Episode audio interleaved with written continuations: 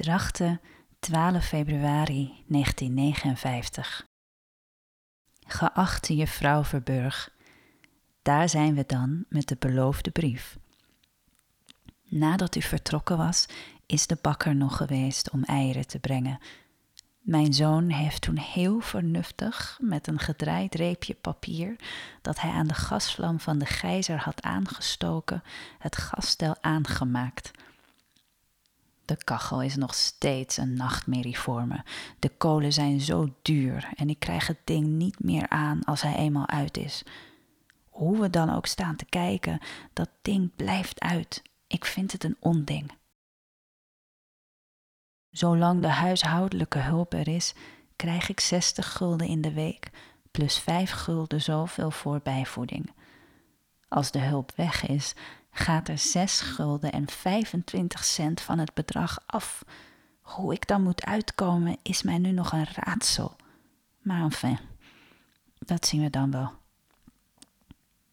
Het is hier zo koud dat de kinderen s'nachts bij me in bed kruipen. Wat ik eigenlijk wel zo plezierig vind, want ze zijn net kleine kacheltjes. Zoveel warmte stralen ze uit. En ook als ze ontslagen werden, moest ik een adres zoeken. En als ze vrij waren van die ziekte, dan mochten ze naar familie. Moesten ze eerst geloof ik drie weken in quarantaine.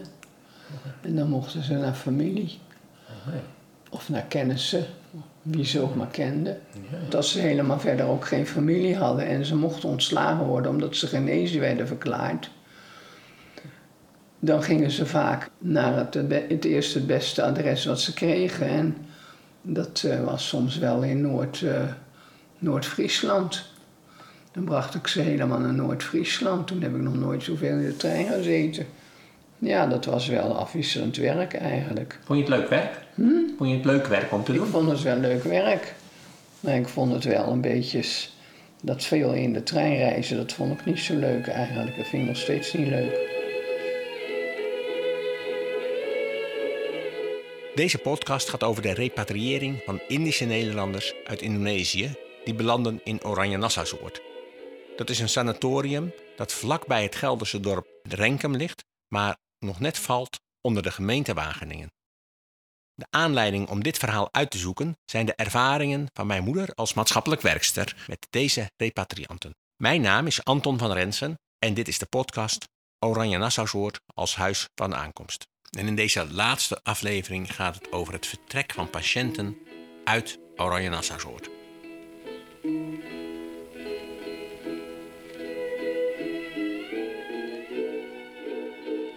Een van de weinige patiënten uit O&O over wie mijn moeder nog wel wat weet te vertellen is mevrouw Peperzak.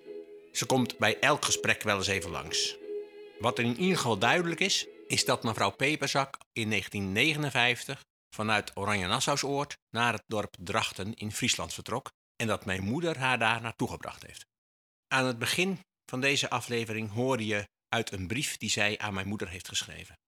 Een van de taken van mijn moeder was dus om de repatrianten op de verhuizing naar een nieuwe woonplek voor te bereiden en hen zo nodig daarheen te brengen. Iedere gemeente was verplicht om een percentage nieuwbouw van de nieuwbouwwoningen uh, aan, uh, voor die Indische Nederlanders af te staan. Dat was vanwege de enorme woningnood die na de oorlog nog tot in de jaren 60 in Nederland zou blijven bestaan. Elke Nederlandse gemeente, lees ik in een verslag uit januari 1958, was verplicht repatrianten op te nemen. 5% van de nieuwbouw van sociale woningen werd voor hen gereserveerd. Dat betekende dat er in 1958 ongeveer 1600 huizen beschikbaar kwamen, terwijl er huisvesting nodig was voor 45.000 mensen, ongeveer 10.000 gezinnen. De gemiddelde gezinsgrootte was namelijk nog wel wat groter dan tegenwoordig. Maar de conclusie is, er was veel te weinig ruimte.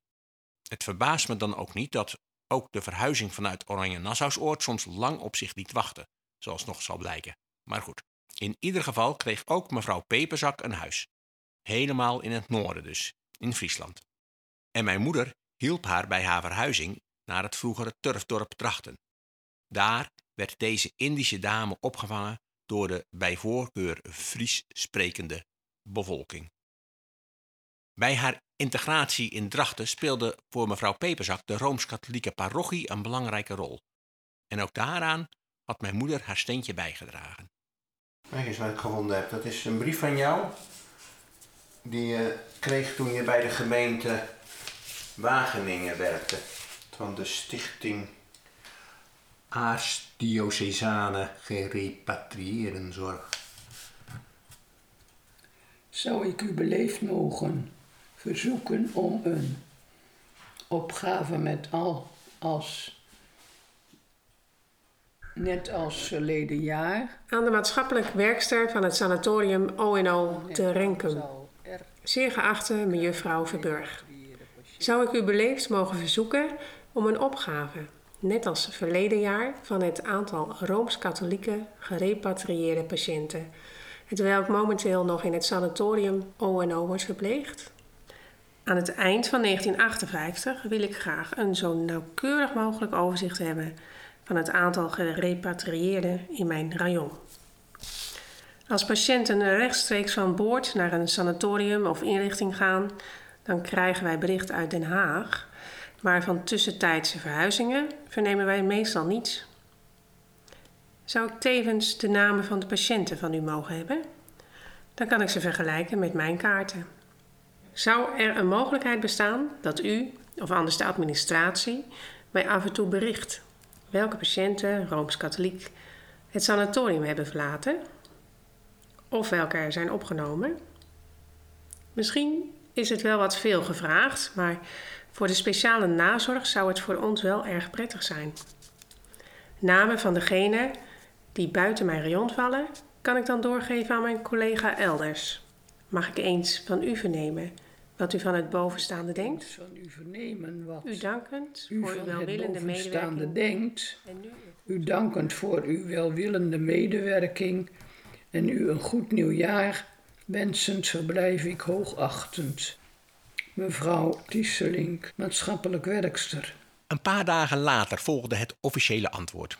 Dat kwam niet van mijn moeder, maar van haar baas, de heer Stijnen, directeur van de dienst voor sociale zaken van de gemeente Wageningen. Het vertrek van patiënten uit Oranje-Nassausoord zou voortaan worden doorgegeven, zodat ze vanuit de Rooms-Katholieke Kerk de nodige hulp konden krijgen. Toen dienden kerken blijkbaar nog wel een groot maatschappelijk belang, dat in tegenstelling tot vandaag. Nu zouden kerken zogenaamd geen groot maatschappelijk belang meer dienen, meende tenminste de autoriteit persoonsgegevens in een bericht van 7 september 2022. Maar goed, in 1959 werkte dat in ieder geval nog anders en dat blijkt uit een bijzondere brief die ik onlangs voor het eerst las op een vakantiepark op Texel. Eind augustus 2022 vierden wij op Texel de verjaardag van mijn vader.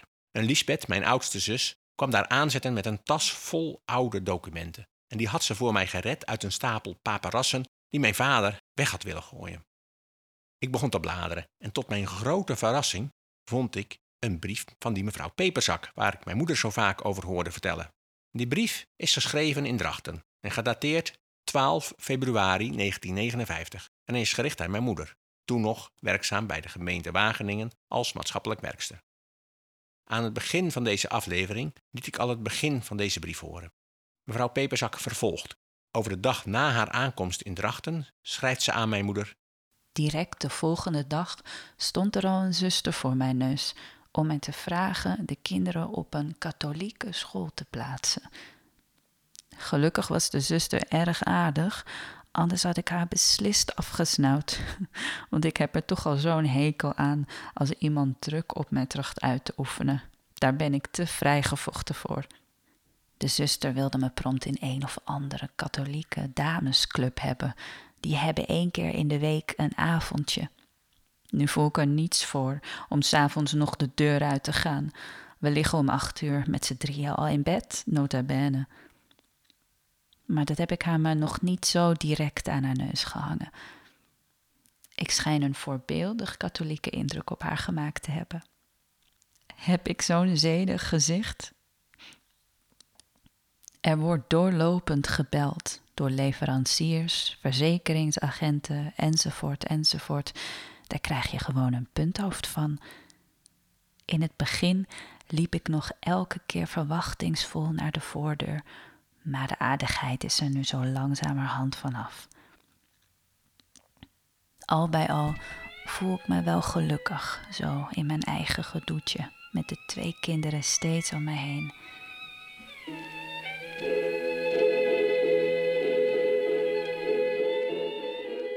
Het staat er zo terloops. Al bij al voel ik mij wel gelukkig zo in mijn eigen gedoetje, met de twee kinderen steeds om me heen. Voor een moeder die haar kinderen soms jaren niet heeft mogen zien, moet het leven in een sanatorium alleen daarom al een gruwel zijn geweest. Neem dat verhaal nou van Olga, over wie ik in aflevering 2 al vertelde. Zij was 25 bij haar vertrek uit Oranjenassersoort in januari 59. Vanaf 1956 was ze gescheiden geweest van haar zoontje, een peuter. Dergelijke ervaringen konden zowel moeder als kind een levenslang trauma bezorgen. Niet dat ze zich daar toen zo bewust van waren. Hoe cruciaal een relatie met een moeder en haar kind was, was toen in de pedagogiek nog maar nauwelijks bekend. Maar luister naar het verhaal van mevrouw Roquois, oma Julia. Ja, dat was mevrouw Roquois. Maar die, uh, die had allemaal zonen. Die woonden allemaal. Uh, ja, ze wilden allemaal naar Amsterdam. Dat was eigenlijk de enige plaats die ze kende. En die ging toen, uh, al die jongens die woonden ook in Amsterdam. En daar, ging, die mocht toen, kreeg toen een huis in het Gooi. Daar heb ik het toen heen gebracht met een heleboel bedden voor al die jongens. Want dat, dat wilden ze, dat die jongens thuis kwamen wonen, maar ik denk dat dat nooit gebeurd is. Maar dus dat kon wel, want ze kreeg dat spul wel allemaal. In aflevering 2 vertelde ik al, had ik na het nodige onderzoek een achterkleindochter van Julia Roquois gevonden. Dat is Kim. En zij bevestigt het verhaal van mijn moeder grotendeels, maar komt ook met wat nuanceringen. Wat weet jij van het verblijf van jouw overgrootmoeder in Oranje Nassausoord? Ze heeft er een tijdje gelegen wel. En ik weet ook dat de familieleden hebben niet zeg maar, heel vaak gebruik gemaakt van bezoeken. één keer in het jaar of zo. Vooral omdat de afstand te ver was. Want nou ja, de een zat in Haarlem en de ander zat in Amsterdam. En ze vonden de afstand te ver. Maar ze hadden wel veel briefverkeer. Dus uh, brieven geschreven. Want uh, zo ging dat in die tijd. De brieven gingen naar haar zoons in het Sint Aloysius kindertehuis in Amsterdam. En naar de jongste spruit, Max. Die woonde bij een katholieke pleegouders in Haarlem. Hij is wel één keer in het jaar of zo is hij daar naartoe gegaan. Maar hij had vooral zijn leven in Haarlem natuurlijk. En voor hem was zijn pleeggezin was, ja, gewoon heel fijn. En daar heeft hij ook zijn leven gehad. Dat uh, waardeerde hij heel erg. Ja, hij heeft ook nog heel lang contact gehouden met de pleeggezin daarna. Ja, want hoe is dat gelopen? Ja, jouw overgrootmoeder zat in Oranje Nassau's Oord. Uh, het was een hele pittige tante. Ja. Kwam dat ook op enige manier tot uiting daar? Uh, ja, ze heeft volgens mij ook wel wat briefverkeer gehad over dingen die geregeld moesten worden. Voor haar zoons, zoals kleding of uh, ja, een huis krijgen. Het liefst uh, ja, groot genoeg voor de familie. dus nee, ja, ze had heel veel verkeer. Ook in dat boekje van je moeder, de, daar zie je ook heel vaak dat ze afspraken had met je moeder van... hé, hey, regel dit even, want ik zit te wachten. Dus uh, was wel pittig. ja, er wordt op een gegeven moment bij een van de bezoeken wordt er gezegd van... Mevrouw Roquois, problemen. Ja, precies. Ja, ja, ja. ja.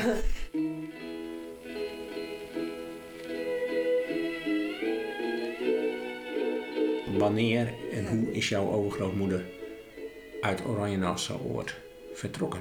Dat ze in 1958 geloof ik was uh, klaar daar. Maar toen moest ze natuurlijk nog een huis komen en dat was een x aantal maanden later. Dus ik weet niet precies hoe dat zat, maar uiteindelijk wel rond die tijd. Het was wel uh, heel lang. Ja. Mijn opa herinnerde zich het als zeven jaar of zo, zeven jaar na dato. Dus, uh, oom Max die was inderdaad elf. En die is uiteindelijk inderdaad teruggegaan. Ja dat, ja, dat was wel een heel naar moment voor hem. Want hij had natuurlijk zijn leven in Haarlem. En zijn pleegouders vond hij geweldig. En toen moest hij terug. En voor hem was dat ja, niet te bevatten. Hij heeft ook heel, ja, heel veel verdriet daarvan gehad. Wat op zich heel ja, logisch is aan de ene kant. En ook heel raar natuurlijk voor Julia. Want Julia die kreeg haar zoon terug. Maar het was eigenlijk niet meer haar zoon. Dus dat was wel lastig. En heel toevallig was mijn opa en mijn oma, die woonden toen tijdelijk even bij Julia. Want mijn opa die kwam net van de grote vaart, van de marine. En uh, ja, die, mijn oom Max die vertelt wel dat hij heel veel troost had bij mijn, mijn opa. Want, nou ja... Bij zijn grote broer René. Bij zijn grote broer, die kon hem even troosten. Want hij had er, hij had er wel verdriet van, ja. In haar zwarte schriftje noteerde mijn moeder mevrouw Rocqua. Huisvestingproblemen. Dat was omdat zij weigerde om na haar genezing te verhuizen naar een klein contractpension. Ze wilde een eigen huis waar ze met haar kinderen kon wonen. Die misten tenslotte ook al hun vader, die op weg naar Nederland was overleden. En hun moeder hadden ze ook al zeven jaar niet gezien. Geen wonder dat mevrouw Rocqua vocht als een leeuwin voor een eigen huurhuis dat groot genoeg was voor haar hele gezin. En in haar eerste brief vanuit Drachten sprak dus ook mevrouw Peperzak onomwonden haar geluk uit over de hereniging met haar kinderen en ook over hoe zij het sanatorium had ervaren. De tijd die ik in het sanatorium heb doorgebracht, komt me nu zo onwerkelijk voor, als een nachtmerrie, iets wat niet in het schema van mijn leven hoort. Het is alsof de tijd even heeft stilgestaan en alsof ik gewoon het leven weer begonnen ben, daar waar ik het in der tijd afbrak om het sanatorium in te gaan. De tijd in het sanatorium als een nachtmerrie. Haar ervaringen in Oranje waren dus alles behalve positief. Ook al herinneren Miep, Gerry en Gerda, de drie oudverpleegsters uit O&O, zich dan vooral de gezelligheid die er heerste, er zaten dus ook veel mensen die ronduit ongelukkig waren. Maar dat is ook geen wonder wanneer je je kinderen zo intens en zo lang mist. Hoe hebben de ouders van Philip Manuhua dat eigenlijk ervaren? Wat voor mijn moeder het meeste pijn deed, dat vertelde ze later, vlak voor haar uh, dood, was dat ze haar kinderen niet zag. Dat ze uh, weggerukt werd van haar kinderen. De jongste, mijn jongste zus, was nog een baby toen die dus in het ziekenhuis kwam. Dus dat, uh, en die heeft ze dus anderhalf jaar zoiets niet gezien. En ze wist niet wat er precies uh, gaande was. En, dus dat, of, ze, of ze dus informatie kreeg, weet ik ook niet. Het is, maar ze was, ja, ze was daar, dat had ze zat er heel moeilijk mee.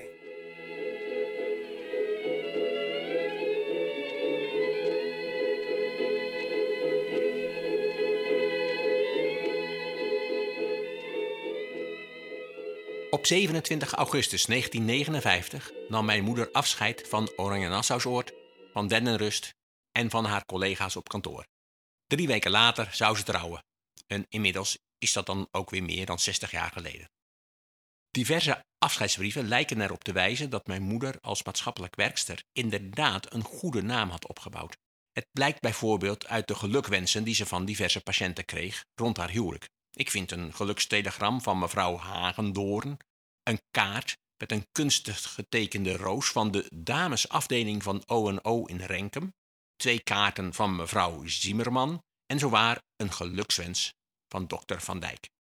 Hoe belangrijk haar onafhankelijke positie als maatschappelijk werkster door sommige patiënten werd ervaren, blijkt ook uit een brief die ze na haar huwelijk ontving. Geachte mevrouw van Rensen, wat vreemd om dat nu zo te moeten schrijven, terwijl we u nog steeds voor ogen hebben als juffrouw Verburg, onze toevlucht en klachtenhoekje. Weet u nog wel in Bolspark? Bolspark. Dat is een klein parkje in een villa-wijk in het centrum van de stad, vlakbij het gemeentehuis van Wageningen. Daar was de schrijfster van deze brief na haar verblijf in het sanatorium gaan wonen, nadat mijn moeder via een advertentie in de Veluwse Post er woonruimte voor haar had gevonden. Voor haar had mijn moeder, ook na haar verhuizing uit Oranje-Nassausoord, blijkbaar als praatpaal gefungeerd. En TBC, hoe stond en staat het daarmee in Nederland en wereldwijd, volgens historica Jet Spits? nou, helemaal in de loop van de jaren zeventig verdween de ziekte voor een groot deel. Ehm, maar de ziekte is nog steeds niet weg. Sterker nog, in het kielzog van, uh, van COVID is de ziekte ehm, ehm, weer teruggekomen. Want tuberculose is de meest besmettelijke en dodelijke infectieziekte ter wereld. En die is even van de eerste plaats uh, infectieziekte verdrongen door COVID nu. Maar straks als COVID weg is, dan staat tuberculose weer op nummer 1 met anderhalf uh, miljoen doden per jaar. 30.000 mensen per week gaan dood aan tuberculose, nog steeds. Wereldwijd. Wereldwijd, ja. Ondertussen leeft in Nederland de aandacht voor tuberculose nauwelijks meer. Ook Oranje Nassausoord verloor in 1963 zijn functie als sanatorium voor TBC-patiënten. Dat vertelt ook Gijsje Jansen, oud-medewerkster van ONO en vrijwilligster in het historische archief van het voormalig sanatorium. Oranje Nassausoord is in 1963 overgenomen door de Nederlands Hervormde Stichtingen. Dus ook vanaf die datum, 1 april, was ONO geen sanatorium meer. Iets daarvoor, twee jaar daarvoor, is er een overgangsperiode geweest. Dus daar is het een uh, verpleeghuis voor langdurig zieken geweest. De Koningin Emma Kliniek is daar eventjes in het begin uh, gestationeerd tot 1 april 1963. En toen kwamen er patiënten uh, die waren dementerend uitbehandeld in een psychiatrische instelling en die werden hier toen opgenomen. En toen was, werd het een psychiatrisch ziekenhuis voor, moet ik het even goed zeggen, psychisch gestoorde bejaarden. Zo heette het toen. Later is natuurlijk die naam weer veranderd. Ja. En, maar waarom werd het afscheid genomen van het sanatoriumkarakter? Uh, dat heeft vooralsnog natuurlijk te maken met de instroom van nieuwe patiënten. En die waren niet. ja, die, die waren er dus gewoon niet meer. Ja, dus zo is die afbouw van die late jaren 50 tot 1963. Nou ja, zo, dat was het einde van het sanatorium. Schulden waren een groot uh, probleem. Het Oranje Nassausoort is een landgoed, heeft heel veel bossen daarmee, moet onderhouden worden, is personeel. En de betaling van het personeel moest wel uit de verpleegprijs. Maar hoe minder patiënten, hoe minder inkomsten, hoe duurder alles werd. Um, er werden ook lage vergoedingen gevraagd soms als uh, patiënten het helemaal niet konden betalen, dan kon er uh, een uh, aanvraag gedaan worden op patiëntenfondsen. Maar ook die droogde op. Dus dat was eigenlijk ook geen mogelijkheid meer. Um, medisch personeel, dat verdiende ook nogal veel. En ook er was te veel medisch personeel in dienst. Daartegenover, in ONO kon alles. Er was een röntgenapparaat om te kijken van uh, zijn je foto's goed, longfunctieapparaat. Ja, eigenlijk wat je maar nodig had voor je ziekte, was er dan ook. Alles kon op één plek. Maar ja, onbetaalbaar. Dat ONO geen sanatorium meer kon zijn, was een grote ergernis voor geneesheer-directeur Van Dijk. Dat herinnert zich oud-directeur van Dennarust, Leo de Koning. Hij leerde Van Dijk in de jaren 70 kennen als bestuurslid van dit bejaardencentrum voor Indische en Molukse Nederlanders. De Koningin Emma Kliniek voor astmapatiënten, die in Oranje Nassausoord werd gevestigd, gaf voor het wegvallen van de TBC-patiënten onvoldoende compensatie. En toen is hij uh, aangenomen als directeur van ONO, toen het nog een TBC-sanatorium was. Maar het aantal patiënten liep er nog terug. En op een gegeven moment is het uh, uh, meer een centrum voor astmapatiënten geworden. Heeft ook met longen te maken. Daar kon hij nog mee leven. Maar dat was toch te weinig. En toen heeft het bestuur beslist om uh, al het gedoe met longen af te schaffen. Het wordt nu een tehuis voor bejaarde zwakzinnigen.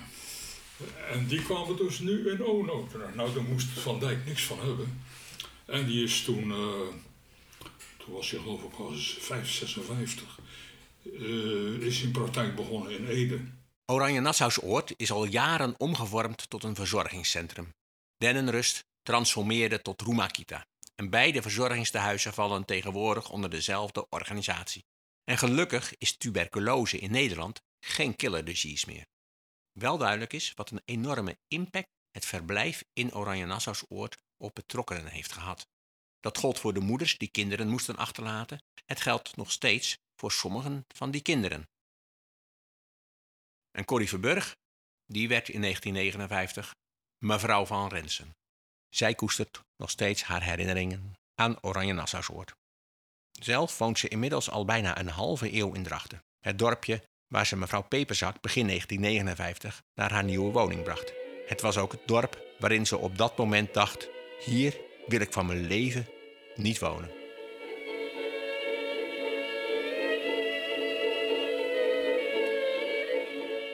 Dit was de laatste podcast van de podcastserie Oranje Nassausoord als huis van aankomst. Deze podcast kwam tot stand met de hulp van velen.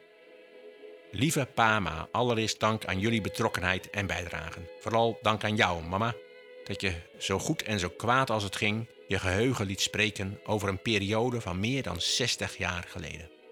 Dank ook aan de geïnterviewden, aan Kim Rokwa en Philip Manahua, aan Jet Spits en Margaret Leidelmeijer van het Indisch Herinneringscentrum en Huip Akihari van het Molux Historisch Museum in Den Haag. Aan Leo de Koning en Gijsje Jansen en aan de drie houtverpleegsters Gerda de Pre, Gerry van der Weijden en Miep Talsma. Miep is helaas tijdens de productie van deze podcast overleden. Dank ook aan allen die teksten inspraken. En dat zijn in alfabetische volgorde Kees Evenleens, Bert Goedhart, Hilda Hopman, Zegert van der Linden, Bea Oosterhuis, Francesca Pichel, Rosa Marijn van Rensen, Jessica de Vos en Gerja Wolf. Productie en montage Anton van Rensen. Inlezen van de ANP nieuwsberichten en de sound editing Evert ten Ham. De muziek kwam van een oude cassette van de uitgeverij Mousson en was van de Kronchong Band van de Indische Club Amsterdam. Daarnaast was er muziek te horen van de Eastern Collection Band. De podcast kwam tot stand dankzij de Bibliotheek Wageningen en met financiële steun van de regeling Collectieve Erkenning van Indisch en Molux Nederland van het ministerie van Volksgezondheid, Welzijn en Sport.